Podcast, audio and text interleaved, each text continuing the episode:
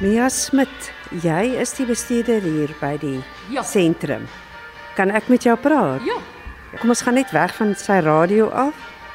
Ek sien nou hier is vreeslike aktiwiteite aan die gang. Hier is houtwerk, daar is handwerk. Daar's 'n bakkery, skilderwerk, hekelwerk. Presies wat is hierdie? Drostie is 'n beskermde werkplek vir verstandelik en fisies gestremde volwassenes. Ons probeer hierso vir die volwassenes 'n omgewing skep waar hulle gemaklik voel en waar hulle 'n gevoel van menswaardigheid kan ontwikkel deur die aktiwiteite wat hulle doen. Ons het 'n naaldwerk afdeling waar doggetjies gemaak word soos potlood voorskote, verstellings aan klere, sakke veral en dan het ons 'n handwerk afdeling. Nou daai afdeling is waar ons ons grootste gros van volwassenes het want daar fokus ons op jou fynne motoriese ontwikkeling. Baie van die kinders is spasties vanweë hulle gestremdheid en so aan, maar dis ook die afdeling waar daar baie groot samesyn plaasvind. Daar doen ons aktiwiteite soos mandala art, soos adult color therapy, soos weaving, soos hekelwerk, breiwerk, you name it. En bakkery afdeling sal ek vir jou gou-gou gaan wys. Dit is ons grootste fondsinsamelingsafdeling. Elke dag bak ons vars brood. Ons doen ook ons verskriklik verskriklik gewilde blikbroodjies. Nou 'n blikbroodjie word gemaak in 'n tuna blikkie wat herwin is. Hy's heel pikant, hy kan gebruik word vir 'n lekker ban. Hy is verskriklik lekker, so ek moet ons 'n klein bietjie bemark. Waar's daai blik? Ek wil daai tuna broodjie, die blikbroodjie. Nou wie het op die idee gekom? Dit het gekom Jo. uit drastiese geskiedenis uit. Dit lyk soos 'n skons. Ja, hy lyk amper soos 'n skon. Hy is die grootte van 'n uh, hamburgerbun en on, hulle is maar net R2.51. So wat lekker is met die kliniek wat langs staan is as jy honger is, hongerkolletjie op die maag of jy stap hier verby en jy kry die vars reuk van brood, jy jy net vinnig inpop, R2.50 het 'n broodjie in jou hand. Waar gaan jy? So dis kyk. En hier agter is die mense nou vreeslik besig. Hier is hierdie kan ek sien skersfees koekies. Yes. En dan So, hierdie. een van die goed wat Drastie baie bekend vir is, is ons koekiebakkery elke jaar. Maar weens die COVID pandemie kon ons nie die afgelope 2 jaar ons groot bak doen nie. Nou ons groot bak het ons gewoonlik 4 ton beskuitjies per jaar gebak. Mens kan duidelik sien jy is passievol oor die sentrum. Yes.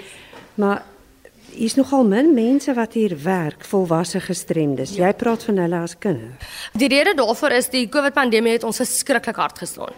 Die meeste van ons volwassenes, is almal afhanklik van hulle uh, toelaag per maand.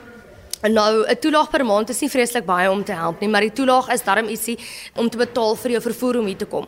Maar met die pandemie wat die huisgesinne so hard getref het, I meen daar is ouers wat hulle werke verloor het. Daar is ouers wat op short time gesit is. Daar is ouers wat nou daar bly meer as een gesin nou in 'n huis want die gesinne het hulle huise verloor met die pandemie.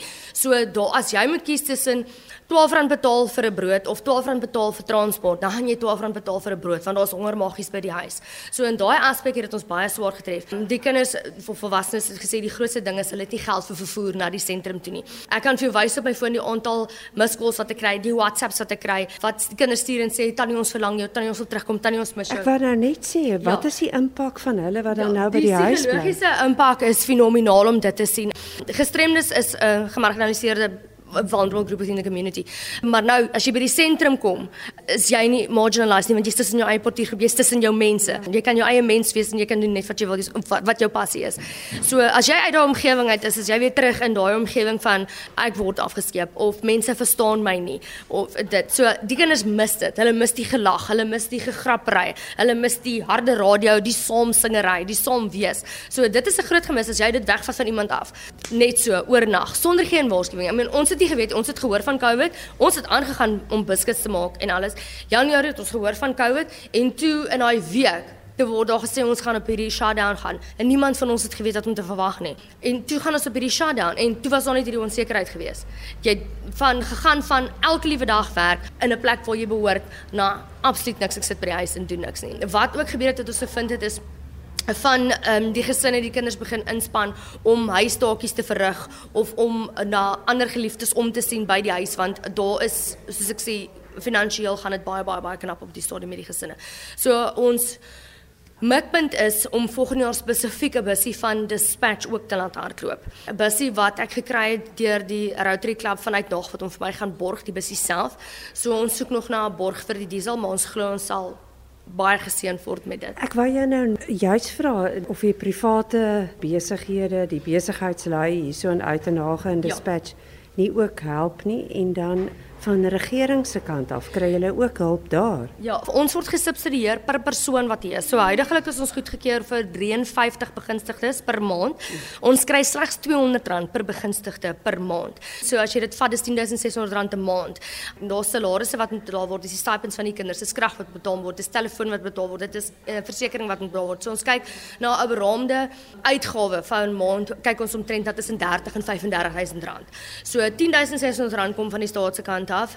Die res moet ons gaan soek voor. Dis waar ons fondsinsamelingspogings vandaan kom. Die gemeenskap ondersteun ons geweldig in daai opsig. Ons kinders dra ons blou hempies nou, um, ons noem hulle ons salesmen.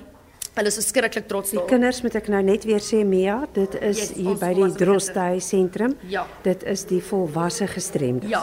So ja, as jy 'n salesman en dan het jy nou 'n top notch. Dit beteken jy kan selfstandig in die gemeenskap rondbeweeg. Jy het gewoonlik 'n lysie by jou en 'n mandjie met goedere wat jy verkoop. En dan op 'n Woensdag, dit is drastie tradisie, het ons vetkoeke wat ons maak. 'n Curry mince wat jy nêrens anders gaan kry nie. Dit klink baie lekker. Ek ja. wil nou net vir jou vra, as hierdie sentrum vol is. Yes as hy op vol kapasiteit is met volwasse gestremdes, yes. hoeveel mense kan dan hier werk? Die sentrum is oorspronklik met sy ontstaan is hy goedgekeur vir 74 volwassenes. Nou soos weer eens as ek sê dit hang van die vervoer af, maar soos ek sê ons ons en hoeveel is nou hierso?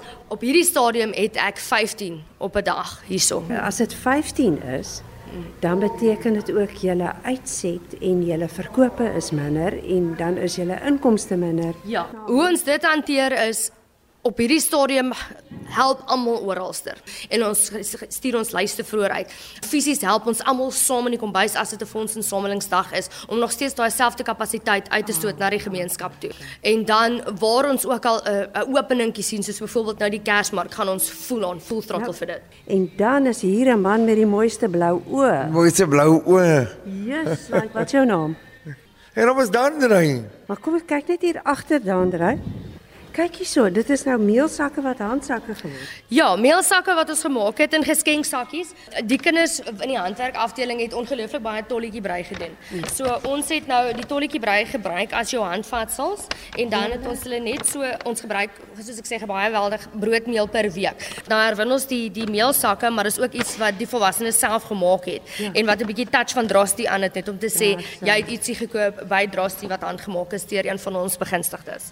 Nou die man wat hier nou sy weg, die man wat so hier kom. Mm. Dis ongelooflik dat hy sit met die fynste fynste wat is sy nou? Wendel Albertyn. Hy is een van ons begunstigdes wat al jare hierso is en sy hoofforte is hekelwerk. As jy kan sien hy hekel al met die fyn gare, nie eens met jou gewone wol wat jy hekel nie. Dis ongelooflik. Ek meen jy kan sien daar is nie 'n steek wat gemis is nie. Daar is nie 'n stukkie draad wat iewers se uitsteek of onvanpas hang nie. Alles is perfek afgewerk en dit is net lieflik. Ons gaan soek om ek wil hoor waar dit hy leer hekel. O, kyk hierdie lappies werk. Nou Wendel, waar het jy leer hekel? Ek het dit by Happiness geleer uh, uh, vir 'n uh, ruk terug. Dit sê my gewys en ek het maar so self toe verder reg gekom en dit is te so reg gekry. Ek probeer maar Maar hy is nou so beskeie, maar ek het dit nou self gesien mm. en dit is ongelooflik. Ek weet, ek het soos ek sê, Wendel is my go-to vehicle. Um soos hy sê hy het by een van ons ander begunstigdes aanvanklik geleer om te hekel. Ehm um, en hy het dit net van self daar verder gevat en dit is wat drasties is. Jy kom hierso om 'n skill aan te leer en jy vat dit verder en jy maak dit jou eie en op die einde kry jy ongelooflike selfbevrediging daar uit. Maar jy klink so ek sou baie vreesbevange geweest, maar jy klink vir my vreeslik opgewonde oor is, oor al die uitdagings. Ek is ja, ek het aanvanklik betrokke geraak as 'n vrywilliger 'n paar jaar terug en met my eerste intrapslag hierso het ek net verlief geraak op al die begunstigdes en die plek. So toe ek die geleentheid gehad het om aansoek te doen vir die bestuursposisie, het ek net geskied daarvoor. Basies vir my gaan dit oor net om vir 'n weerlose persoon 'n kans te gee. 'n Kans net om om te behoort nommer 1 en om menswaardigheid te kry en net te voel daar's iemand iewers wat omgee en wat my raak sien.